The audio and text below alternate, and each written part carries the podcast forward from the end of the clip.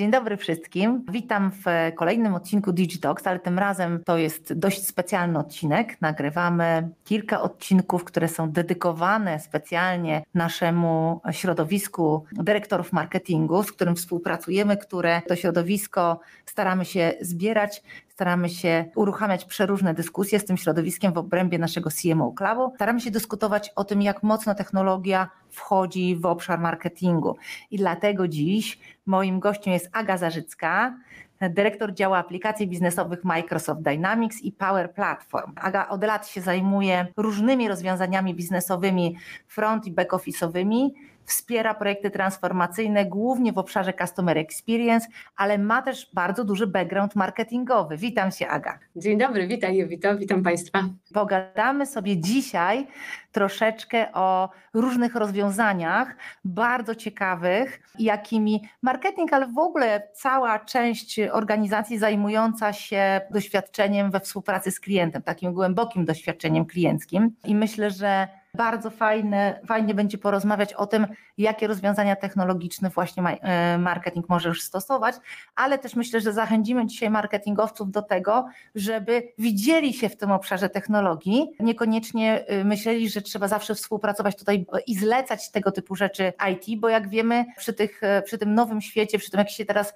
wszystko zmienia i technologizuje, marketing i wszystkie inne obszary w organizacji muszą już być bardzo technologiczne, prawda? Jak najbardziej, absolutnie. Zresztą mówimy dziś bardzo dużo o data-driven organization, o tym, że w zasadzie paliwo jest y, nowym paliwem naszych czasów, są po prostu dane.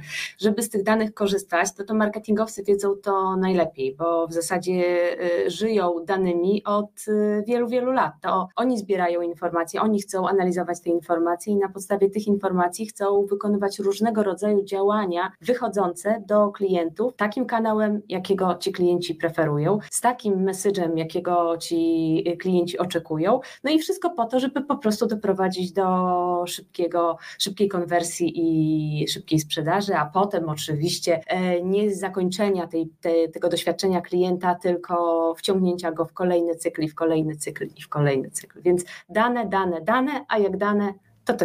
No właśnie, i tutaj chciałabym troszkę konkretnie podpytać Cię o różne rozwiązania ciekawe, bo, bo wszyscy jesteśmy dzisiaj bardzo konkretni, chcemy wprowadzać konkretne zmiany. Pandemia, mam wrażenie, była bardzo mocnym bodźcem do takiego wprowadzania nowych funkcjonalności, nowych rozwiązań tak. technologicznych, w dużej mierze w, w systemach CRM-owych, prawda? Bardzo się zmieniły moim zdaniem przez te ostatnie 2-3 lata potrzeby rynku, ale też wy bardzo się rozwinęliście jako dostawcy technologii, prawda?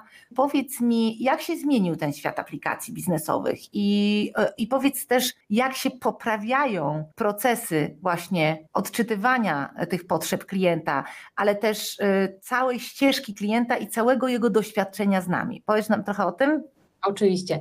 Więc y, przyjęłabym tutaj dwie perspektywy. Jedną tą taką naszą, firm informatycznych, które faktycznie rozwijają te technologie, odpowiadają na rosnące i zmieniające się potrzeby rynku, ale również firmy, która szczególnie w tym obszarze konsumenckim e, w zasadzie żyje z analizy danych i żyje z mm, takiego prawidłowego odczytywania sygnałów, które płyną od naszych klientów, bo mamy cały, całą dywizję związaną z biznesem konsumenckim. To są konsole, to są gry, więc e, jest cała masa takich interakcji, które my, my z klientami prowadzimy. No i też musimy mm, i sprzedażowo, i marketingowo się w tym odnaleźć. Ale jako firma technologiczna, to oczywiście mm, rozwijamy bardzo wiele narzędzi, które przede wszystkim mają oferować naszym klientom bardzo spójne doświadczenie. Czyli chodzi nam o to, żeby ta infrastruktura informatyczna, która w firmie funkcjonuje, była jak najbardziej przyjazna użytkownikowi. I to się zaczyna od tego, co absolutnie się z Tobą zgadzam, pandemia nie niesamowicie przyspieszyła, bo nagle, kiedy nas zamknięto w domach, to wiele organizacji, które, którym się wydawało, że są już bardzo ucyfrowione, zorientowały się, że właściwie nie mają środowiska pracy, które pozwalają na odnalezienie się w, w swoich czterech ścianach pracownikom i wykonywanie przez nich skuteczne y, tych obowiązków, które mają wykon wykonać. Więc podstawą dla wielu naszych firm stała się tak naprawdę transformacja, przejście ze świata takiego mm, statycznego, zamkniętego w murach firm do świata, świata takiego bardzo zwinnego, w którym korzystamy z Teamsów, korzystamy z Office'a, korzystamy z tych narzędzi, które są dostępne na mobilnych urządzeniach, na komputerze, w domu, w pracy. Jak ktoś wyjechał w trakcie pandemii nad jezioro bądź w góry, to też mógł z tego miejsca pracować tak samo, jakby był w biurze. Więc to była taka pierwsza, chyba najbardziej znamienna rewolucja, która pozwoliła wielu organizacjom faktycznie przenieść się do takiego zwinnego, cyfrowego świata. Drugi ten aspekt związany z tym, kim jest mój klient. W jaki sposób ja mam budować swoją relację z klientem w momencie, kiedy on do mnie nie przychodzi?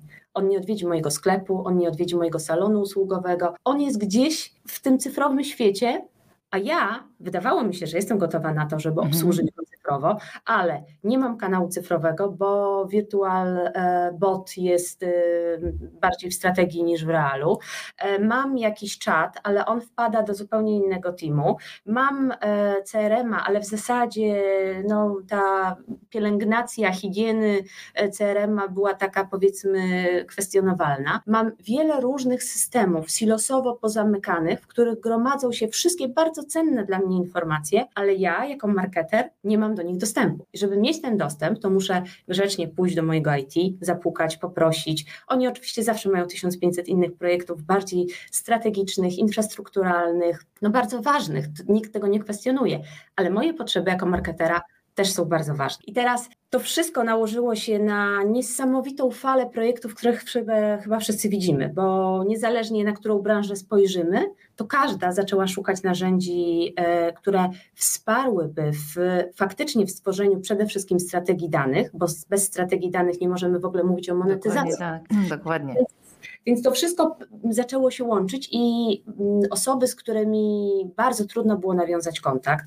marketerzy, e, szefowie sprzedaży, nagle bardzo się otworzyli, bo oni zobaczyli, że bez zanurzenia się w świat technologiczny, bez rozumienia narzędzi technologicznych, oni będą zawsze w relacji podrzędnej względem swojego IT. Tak, chciałabym, żeby to wybrzmiało. Jeżeli chcemy, a musimy mieć platformę taką do dyskusji, ale musimy mieć też mm, spójny poziom zrozumienia wszystkich obszarów technologicznych, bo dzisiaj, jeżeli chcemy szybko rozwijać organizację, ale jeżeli chcemy też nadążać za tym, co inni robią, to musimy mieć tą technologię ułożoną w każdym właściwie, można powiedzieć, obszarze organizacji, a można to zrobić tylko wtedy, kiedy wszyscy ją będziemy rozumieć. Więc miałyśmy taką fajną rozmowę na początku, jeszcze przed włączeniem mikrofonów. Aga mówi, ja też nie mam, nie mam doświadczenia, y, nie mam wykształcenia technologicznego. Ja też nie mam wykształcenia technologicznego. Zobaczcie, jak sobie tu swobodnie o tematach technologicznych rozmawiamy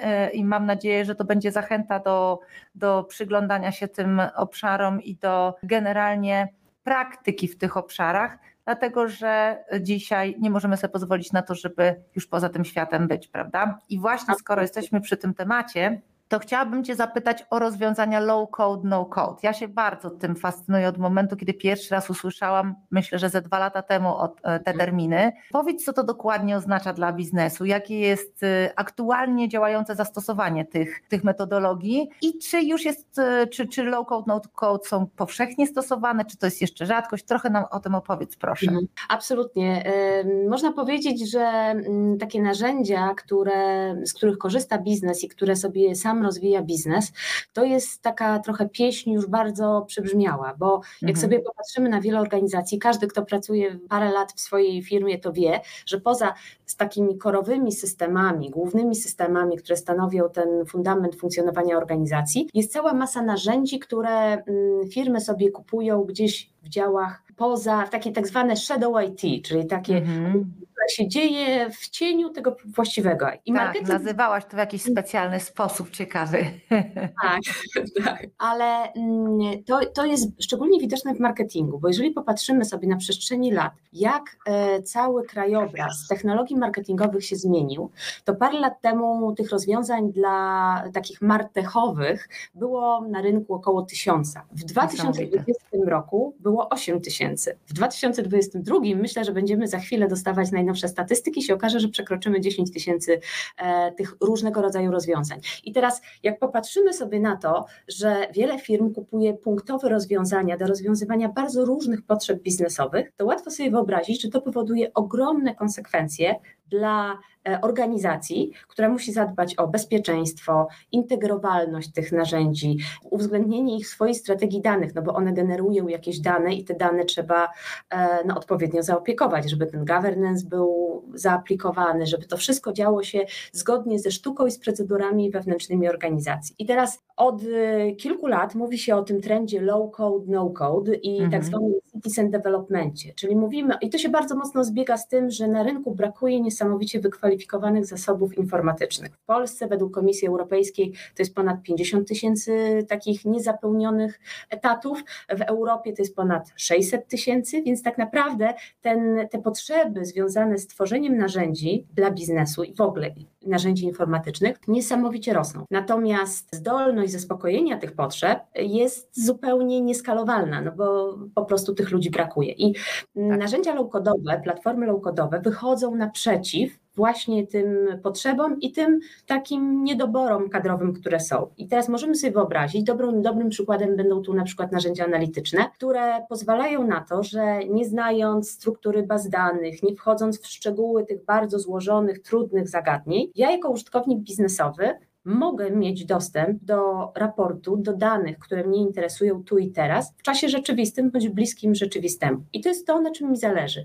Oczywiście strukturę tych danych na początku musi mi przygotować odpowiednio kompetentny kolega czy koleżanka z działu IT, ale ja, mając już dostęp do na przykład Power BI, ja jestem w stanie filtrować sobie, tak jak robimy to w Excelu, filtrować sobie różnego rodzaju parametry i mam dostęp do tych danych, które mnie interesują. Trend low code, no code wychodzi wychodzi naprzeciw tym potrzebom, które w organizacjach coraz bardziej się rozwijają, kiedy biznes mówi, kurczę, robimy tyle procesów automatycznie i marketing tutaj dokładnie zna te bolączki, bo mm, zbieranie informacji z ankiet, e, analizowanie ruchu na stronie, obserwowanie e, efektywności kampanii marketingowych. Tu jest bardzo wiele zmiennych i bardzo wiele też interakcji z różnymi interesariuszami, czy to po stronie agencji zewnętrznych, czy to interesariuszami wewnętrz, wewnętrznymi, wewnątrz firmy. Więc jest wiele procesów, które się dzieją gdzieś między papierem, Outlookiem, Excelem, a jakimś e, SharePoint. I teraz w wielu momentach ucieka nam albo termin, albo tracimy czas na szukanie kogoś, kto ma coś zaakceptować, a jeszcze nie zaakceptował i nie wiemy, gdzie jesteśmy w procesie akceptacji, a kampania czeka. Więc mhm. narzędzia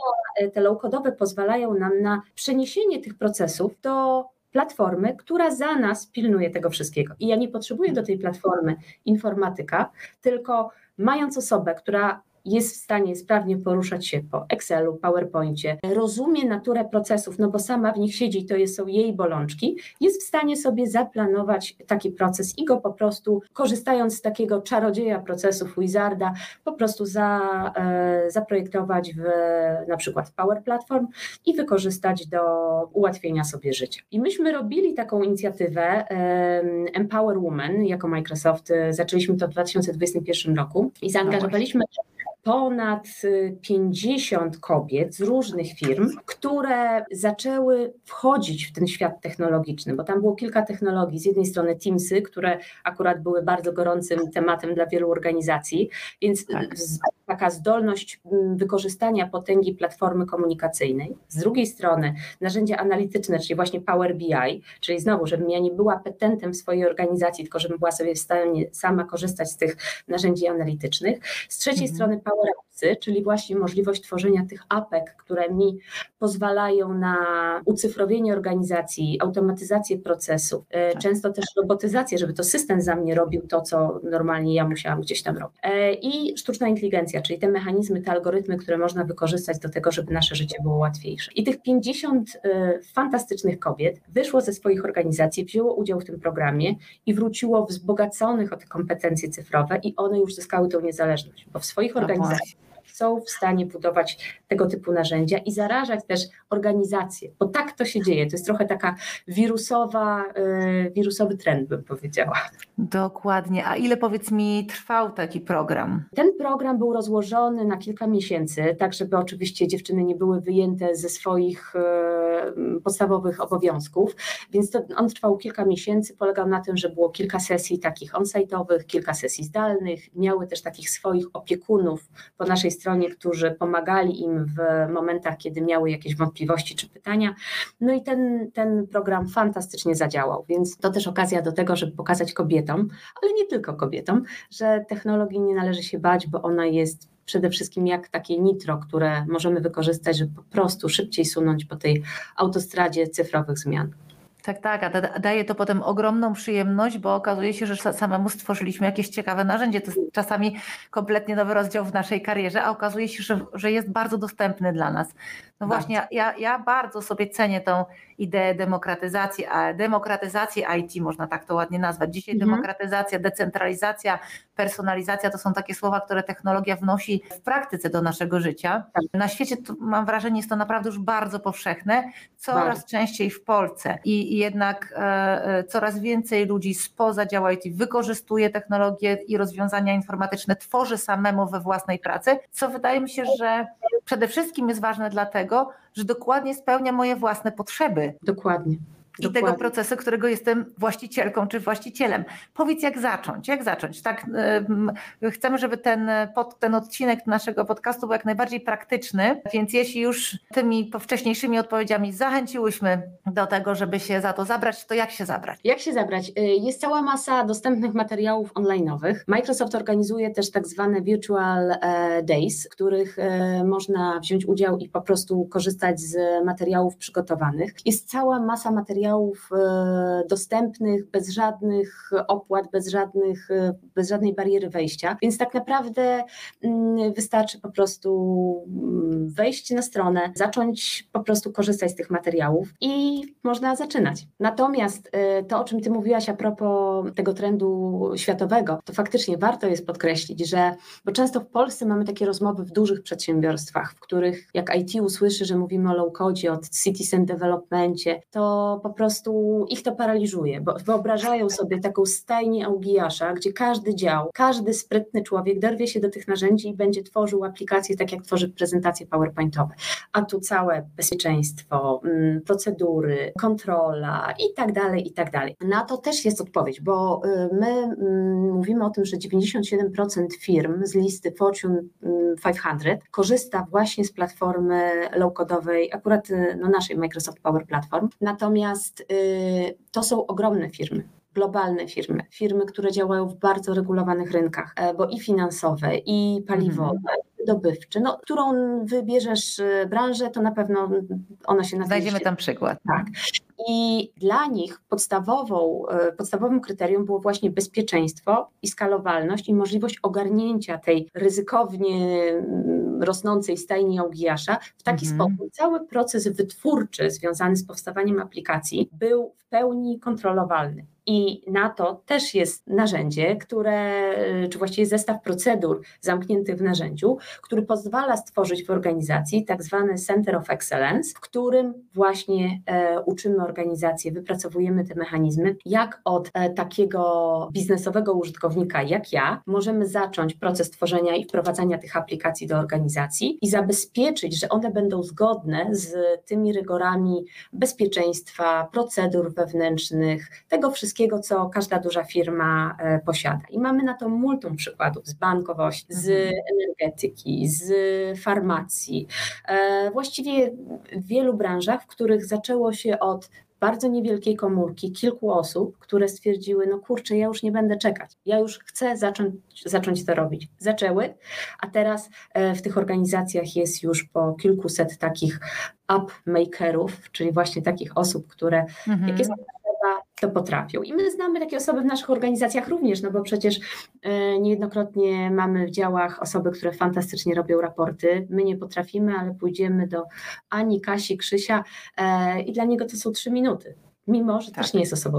Więc, e, więc to jest naprawdę bardzo, bardzo, bardzo ważne. Tak, a jeszcze tutaj dodam, jeśli ktoś pozostał niedowiarkiem w obszarze, zwłaszcza w IT, że takie rozwiązania i tak się tworzyły, i tak się tworzyły, tylko w większym chaosie działy nie IT, żeby pójść na skróty często i nie stać w kolejce w IT, e, zamawiały u przeróżnych firm doradczych, dostawczych, podwykonawców wszelkiego rodzaju mikrorozwiązania. Jak ty to znalazłem, to nazwałaś to podbiórkowce. Bardzo mi się ta nazwa podoba i takich podbiórkowców było bardzo dużo zawsze. Teraz mamy szansę dzięki technologii low code, no code i dzięki temu, że też rozumiemy, że ta edukacja jest nam potrzebna w tych obszarach, mhm. mamy szansę troszeczkę lepszej jakości te rozwiązania często stworzyć i takie bardziej adekwatne do nas, bo jesteśmy sami ich autorami. A jednocześnie dzięki dobrym źródłom mm, tych narzędzi mamy je w bezpiecznym środowisku, prawda? No i też dzięki temu, że one są kompatybilne ze sobą, to jesteśmy w stanie dodawać troszeczkę tak jak z klocków Lego, budować Dokładnie. sobie rozwiązania, które bazują na tym samym fundamencie, jeżeli chodzi o logikę, o model danych, e, na tym samym fundamencie, jeżeli chodzi o mm, autentykację i dostęp do tych narzędzi, czyli na przykład e, mamy nasze narzędzia, które pozwalają nam w ogóle wejść do organizacji tej cyfrowej, do poczty, do różnego rodzaju zasobów i my się po prostu tylko podpinamy więc nie tworzymy dodatkowego mechanizmu autentykacji e, i nadawania uprawnień, bo mhm. te narzędzia dziedziczą to z tego, co już w organizacji tak. istnieje. Więc Super. tworzymy taki cyfrowy, cyfrową sieć, która pozwala nam na przenikanie się procesów, gromadzenie danych, analizę tych danych i po prostu dodaje nam skrzydeł, bo dzięki temu faktycznie jesteśmy w stanie szybciej podejmować decyzje, lepiej wymieniać się informacjami, no i być efektywniejszymi. Tak, to super, super, że to mówisz. Jeszcze jest jeden bardzo ważny wątek w tym obszarze, bo to, y, to jest ta sprawczość, którą dostajemy do rąk wtedy, prawda?